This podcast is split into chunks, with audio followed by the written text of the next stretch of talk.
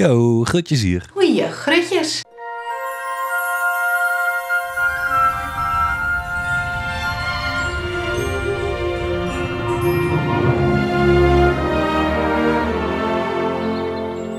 Ik ga jullie een sprookje vertellen. Er was eens een land, een arm land, vol spullen, auto's, wegen en gebouwen die je uitzicht belemmeren. Een land wat rijk was aan arme mensen, maar wat daarnaast ook barstte van de rijke mensen. En het leek wel alsof die paar rijke mensen nog meer spullen hadden dan de rest bij elkaar. Maar toch was het een arme land, want er was nauwelijks liefde. Je was wel vrij om te doen wat je wilde, maar alleen als je netjes werk had, niet raar deed en precies hetzelfde wilde als je buurman. In industriële wastelands om de grootste stad van het land verkommerde een verlaten haven. Een haven met een droogdok om schepen te repareren. Ooit had de stad heel veel geld in die haven gestoken, want in de haven werkten mensen. En iedereen weet dat het alleen goed gaat met mensen die elke dag precies op tijd opstaan, nog net voordat ze genoeg geslapen hebben, om heel snel door het druk verkeer naar een plek te gaan waar een baas ze beveelt wat ze de hele dag moeten doen, ook al hebben ze er geen zin in.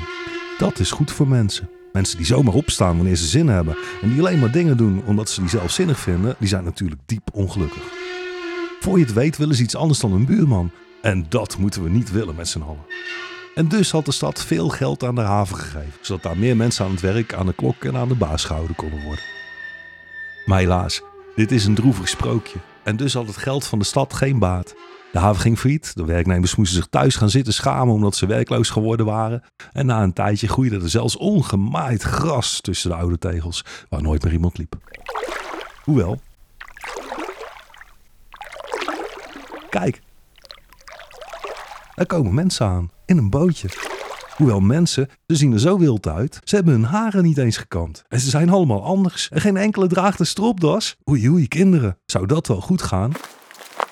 De wilde mensen stappen uit de bootjes. Het zijn er best wel veel.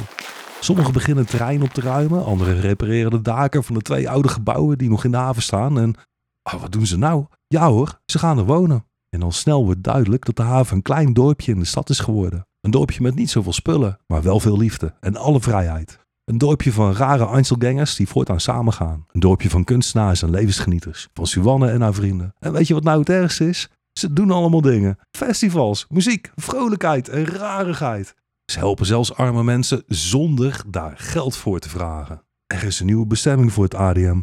De Amsterdamse Droogdokmaatschappij.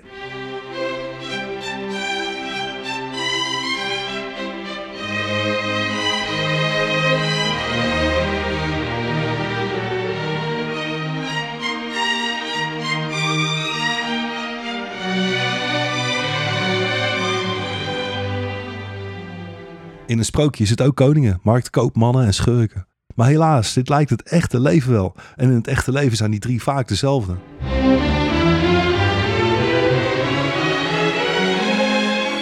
De eerste schurk rijdt nu bruut ons sprookje binnen.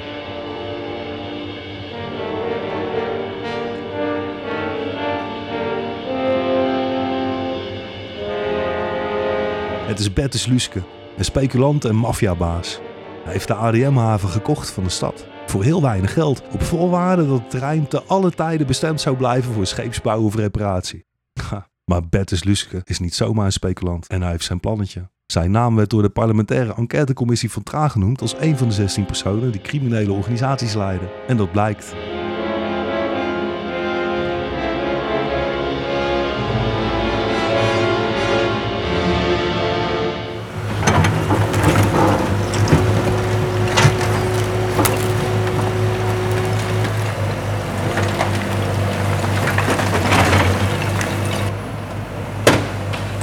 Luske laat heel vroeg in de ochtend een bulldozer recht door het gebouw heen rijden, waar mensen nog liggen te slapen op dat moment.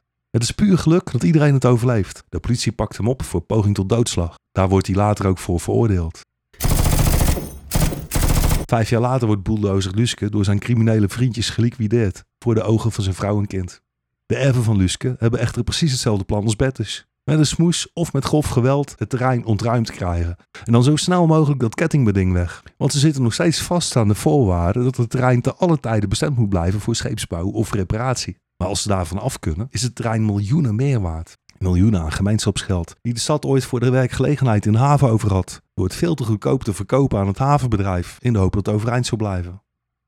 Vele jaren van procedures en toestanden en af en toe wat rust volgen.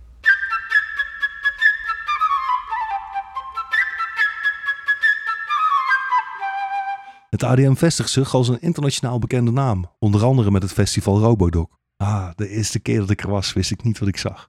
Alleen al toen ik die enorme loodspinner liep en ik in het halfduister boven me, onder het hoge plafond, iets zag bewegen. Het was een enorme haai, een robothaai, die daar traag zwom door de lucht. Afgelopen zomer zat ik er nog op een rijdende en bestuurbare zitbank, net als die in je huiskamer. Ik zag vuur wat zichzelf bluste met water en wat toch bleef branden. Een vuilnisbak die leefde. Een band die niet zomaar speelde, maar die het publiek zo wist op te zwepen dat het een soort van heidens ritueel werd. Met een drummer die met drumstel, stoel en al letterlijk hoog boven de mensen werd gedragen terwijl hij speelde, terwijl bandleden elkaar bestookten met vuur. Ik zag een vuurspuwende draak van meer dan 12 meter bewegend staal.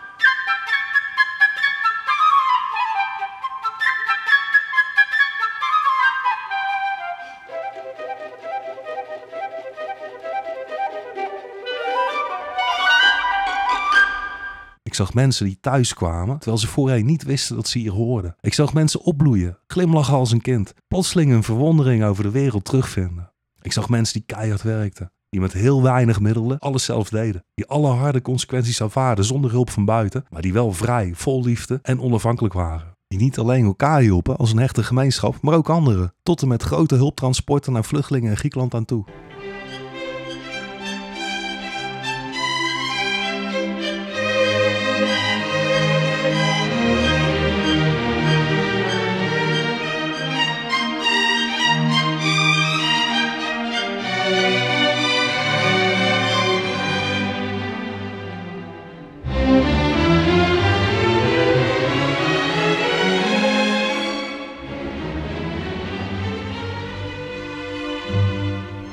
Procedures gingen door. En Gidda, het bedrijf van Boef Bertus, intussen van de erven van de maffiabaas, kwam met de volgende smoes. Ze hadden een huurder gevonden, Kolen BV.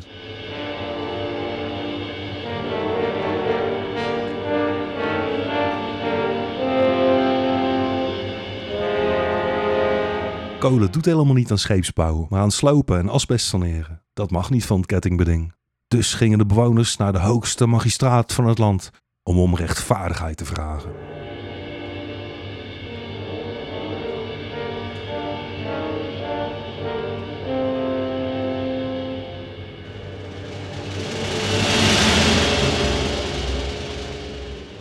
Maar dit sprookje lijkt het echte leven wel. En in het echte leven is er maar weinig verschil tussen boeven, koningen, magistraten, wethouders en koopmannen. En de magistraat zei: Ik zeg lekker niet of Gerda zich aan het kettingbeding moet houden, want jullie bewoners zijn helemaal geen belanghebbenden. Jullie wonen er immers alleen maar. En een andere magistraat krijt uit: Weg met jullie, schorrimorrie, vrijbuiters, akelige kunstenaars. Jullie worden ontruimd, speciaal met kerst.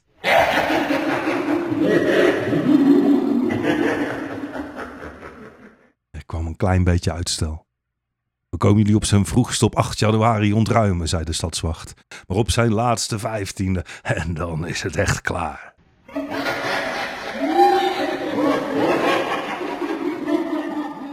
De 130 bewoners was vervangende woonruimte beloofd. Maar wat ze kregen van wethouder Kok was een kleine tijdelijke plek op de slipvelden. Zwaar verontreinigde, kale grond waar je woonwagen in wegzakt. Slechts plek voor een klein deel van de mensen. Een paar lullige noodwc'tjes en zelfs geen douche. De wethouder heeft de pest aan vrije mensen en dus heeft hij regeltjes. Geen vuur, geen feest, geen cultuur en geen vrolijkheid. En na twee jaar weer wegwezen.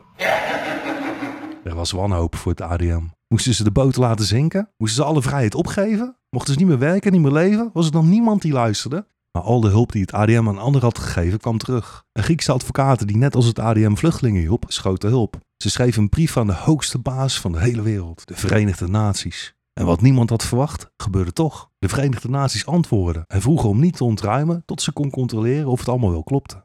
Haha, zei wethouder Kok, het is maar een verzoek. Daar haal ik mijn schouders over op. Dat de VN al haar bevelen verzoeken noemt, ja, dat zal dan wel. De VN en mensenrechten, dat is iets waar wij alleen maar over praten als het om andere koningen gaat. Dat geldt niet voor ons. Gelukkig waren er intussen verkiezingen in de stad geweest. Er was een fascist in de raad gekozen, maar de meerderheid was links en vormde het stadsbestuur. Eindelijk was er hoop. De grootste partij zei in de verkiezingen: Wij willen de rave randen van de stad behouden, want wij zijn groen en wij zijn links. Ze kozen een nieuwe koningin en die straalde als niemand ooit tevoren.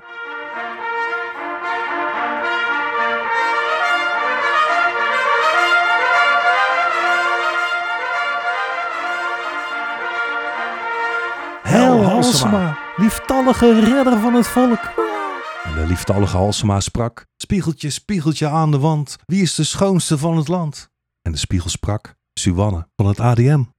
En Halsema ontstak in kille woede. Maar ze beheerste zich, nam een schaal met appels en haar liefste glimlach en sprak drie weken geleden. Wat is Amsterdam? Een plek van hoop. Van alle protestbewegingen, van jongeren, van homo's, van vrouwen, die in decennia door onze Amsterdamse straten trokken. Onze stad kan een plek zijn waar mensen zonder macht geschiedenis en cultuur maken.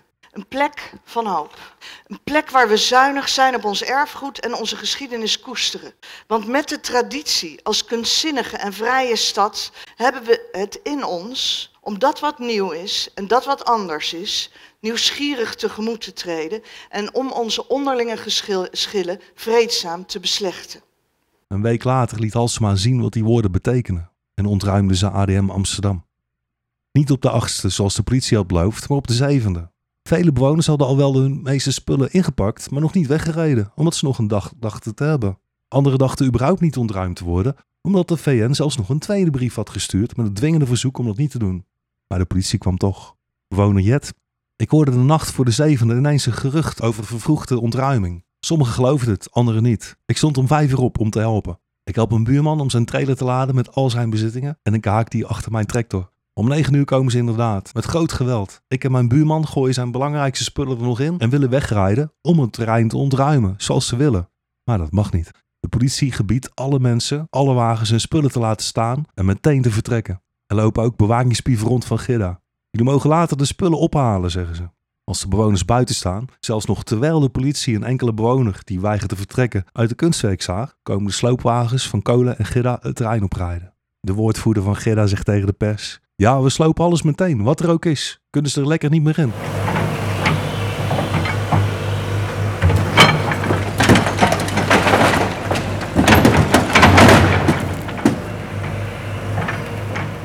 Dan beginnen de slopers. Alles slopen ze. De twee gebouwen, de zelfgebouwde huizen, de trailers met spullen, de bomen, de kunst, alles gaat verloren. Behalve de kleren die de mensen die buiten staan nog aan hebben. De politie kijkt erbij toe. Twee dagen laat Halsema de slopers hun gang gaan. Dan zegt ze: Oh, oh, ik, ik wist van niks. Dit mag niet hoor. Mensen mogen nooit andermans spullen vernielen. Er is dan al niks meer over. De pers schrijft de woorden van Gidda's woordvoerder over alsof hij God is, in plaats van een boef. Ze schrijven zelfs dat de krakers miljoenen schade hebben toegebracht aan het terrein. Maar waaraan dan? Aan de kale grond? Aan het hoofdgebouw waar Bettis Luske een boelloos doorheen liet rijden terwijl de mensen in sliepen? Of misschien aan het bijgebouwtje wat Gerda direct liet slopen met mensen en spullen erin? De kwaadste krant van het trieste land schrijft zelfs dat er drie Molotov-cocktails zijn gevonden. Ja, dat kan kloppen. Ze zijn het restant van de ADM Winterspelen, waar allerlei gekke spelletjes en padvinderswedstrijden werden gehouden. Inclusief gek gekleurde Molotov-cocktails gooien. Je kunt de beelden ervan online zien. Een bewoner had er een paar bewaard als aandenken. Zaten tussen de bezittingen die hij van de politie moest laten staan. Koningin Halsema is tevreden. Iedereen vindt haar nog steeds warm, hartelijk en sociaal.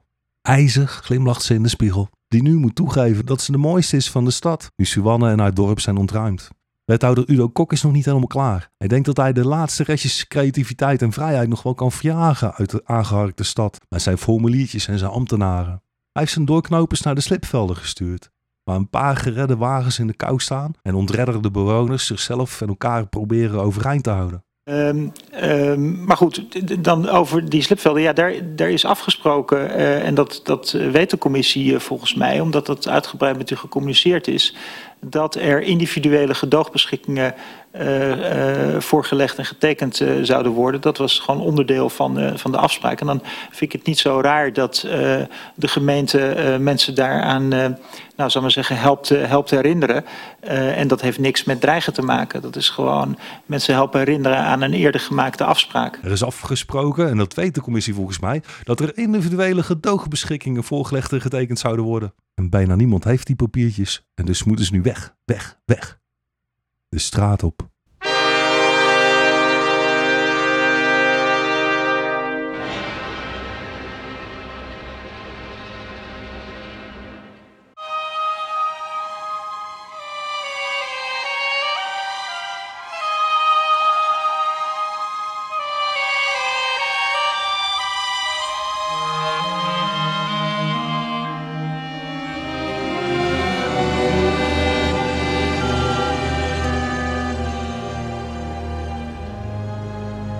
straat op.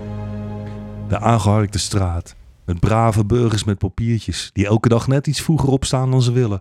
Om heel gehaast in de file te gaan staan naar hun bazen. Die ze vertellen wat ze moeten doen en hoe ze moeten zijn, zelfs al hebben ze er geen zin in. Waar ze al hun energie besteden aan onzeker werk, wat vaak eigenlijk nergens toe dient, om daarna doodmoed terug naar huis te gaan. In de stad die lijkt te zijn bedacht door Disney, maar die wordt geregeerd door grote bedrijven, kleine wethouders en een ijselijke koningin die vrijheid haat en bang is dat het besmettelijk is. Als je ze tegenkomt, zorg dan dat ze je niet kan knuffelen. Want iedereen die in haar ijskoude hart wordt gedrukt, die sterft.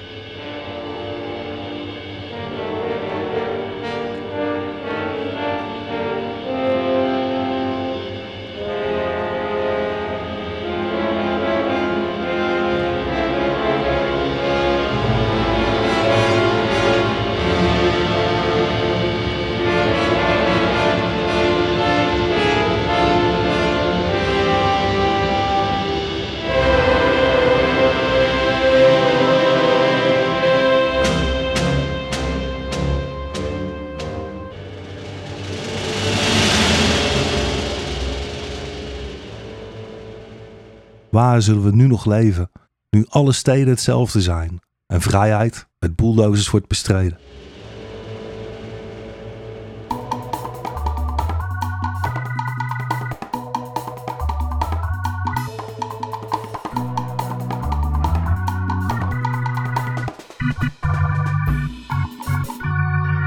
Met concrete maatregelen en hopelijk het komend jaar ook weer samen met u en met alle andere betrokken Amsterdammers. Maar beter misschien dan de vraag te beantwoorden van wie is de stad, is de vraag en die het hart vormde. Mijn derde vraag um, is dan um, um,